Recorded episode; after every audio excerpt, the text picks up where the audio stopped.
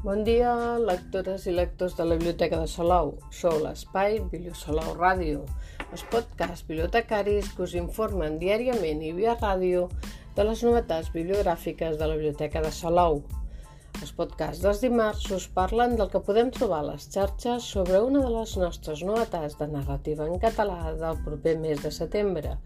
I avui, 2 d'agost, us presentem la novel·la El color dels coloms de Rubén Intente, publicada el juny d'aquest any per l'editorial Llibres del Delicte. A la ressenya de la contraportada podeu llegir la mort del conegut artista local Llorenç Balaguer és tota una incògnita per als Mossos d'Esquadra. L'aparició, alhora, de grups de coloms sacrificats en forma de ritus estranys per alguns parcs de la ciutat desconcerta encara més la policia i busquen una relació entre els dos fets. El sotsinspector Campos i la sergent Sunyol són els encarregats d'una investigació turbadora en què els diferents elements són complicats de relacionar. Un trencaclosques que a mesura que avança es torna més surrealista. Però alerta, no tot el que sembla tenir una connexió la té, i a vegades les cabòries de la ment juguen males passades. Què tenen a veure el cadàver d'un artista mort en estranyes circumstàncies, un grapat de coloms decapitats i el context polític convuls del procés català?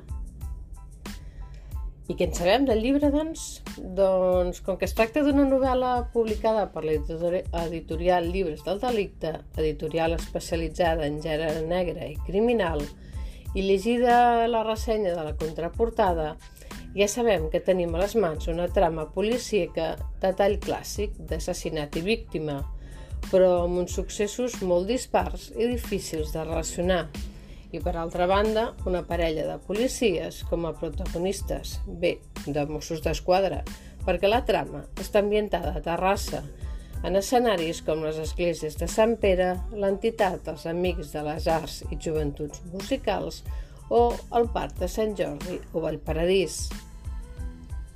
I diem de tall clàssic perquè, seguint l'estructura tradicional del gènere negre, a partir de la troballa del cos sense vida de Llorenç Balaguer d'Almasses, el sotsinspector, el sotsinspector Amadeu Campos i la sergent Emma Sunyol dels Mossos d'Esquadra portaran a terme una investigació del cas en què els elements amb què es van trobant no casen entre si, però que al final de la novel·la acabaran fent-ho.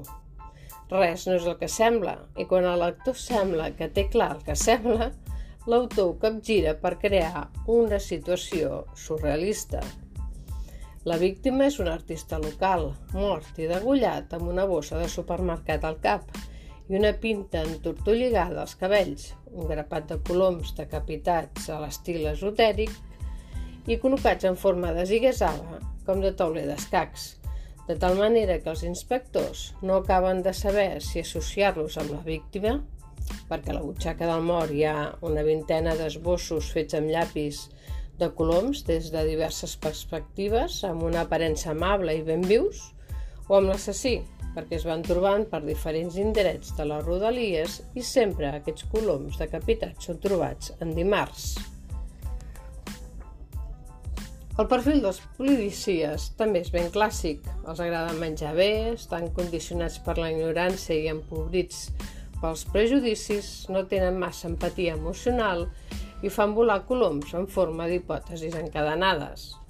Però més enllà de la clàssica novel·la policíaca, el tractament dels personatges protagonistes va més enllà del cas i de la investigació, i l'autor es fa un retrat psicològic, més literari, donant a conèixer i aprofundint en el món interior d'aquests protagonistes, més rellevant que no pas les accions policials per si mateixes. Pel que fa al llenguatge, destaca el tractament oral que l'autor en fa, que recrea el registre lingüístic de la ciutat de Terrassa, amb els seus tics particulars, però també recull el parlar de cada generació. Hi ha diàlegs hilarants i destaquen uns entranyables i versemblants personatges secundaris.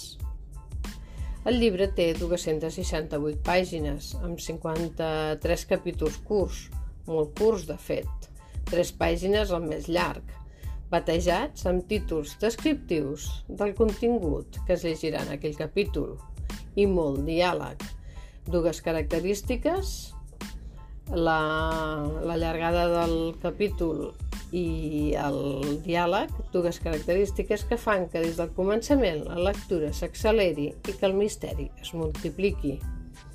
Es tracta d'una novel·la que l'autor mateix defineix com entretinguda i àgil de llegir, amb alguns elements que conviden a reflexionar.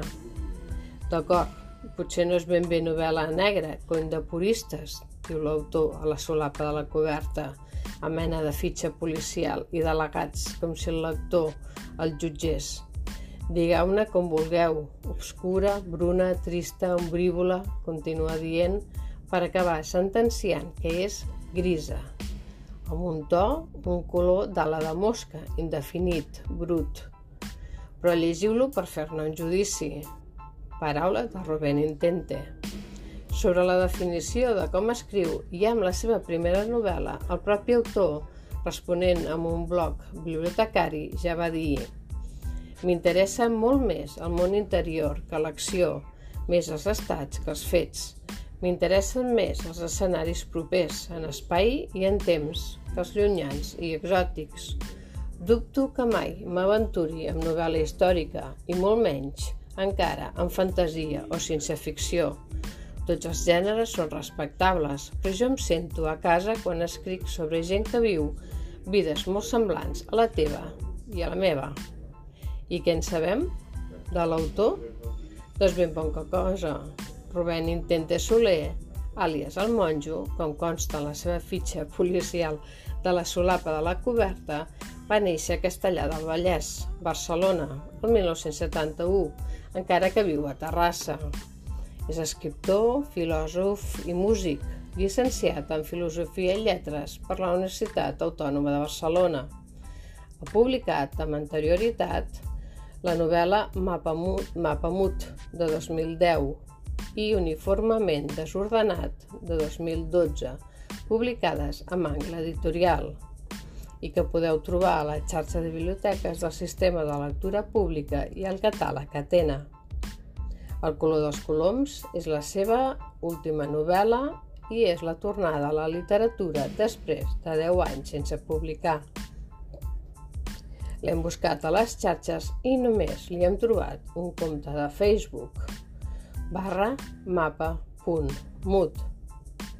I fins aquí el podcast d'avui, però tenim més novetats de narrativa en català que anirem descobrint cada dimarts. Que tingueu molt bon dia i molt bones lectures que us acompanyin en el dia a dia.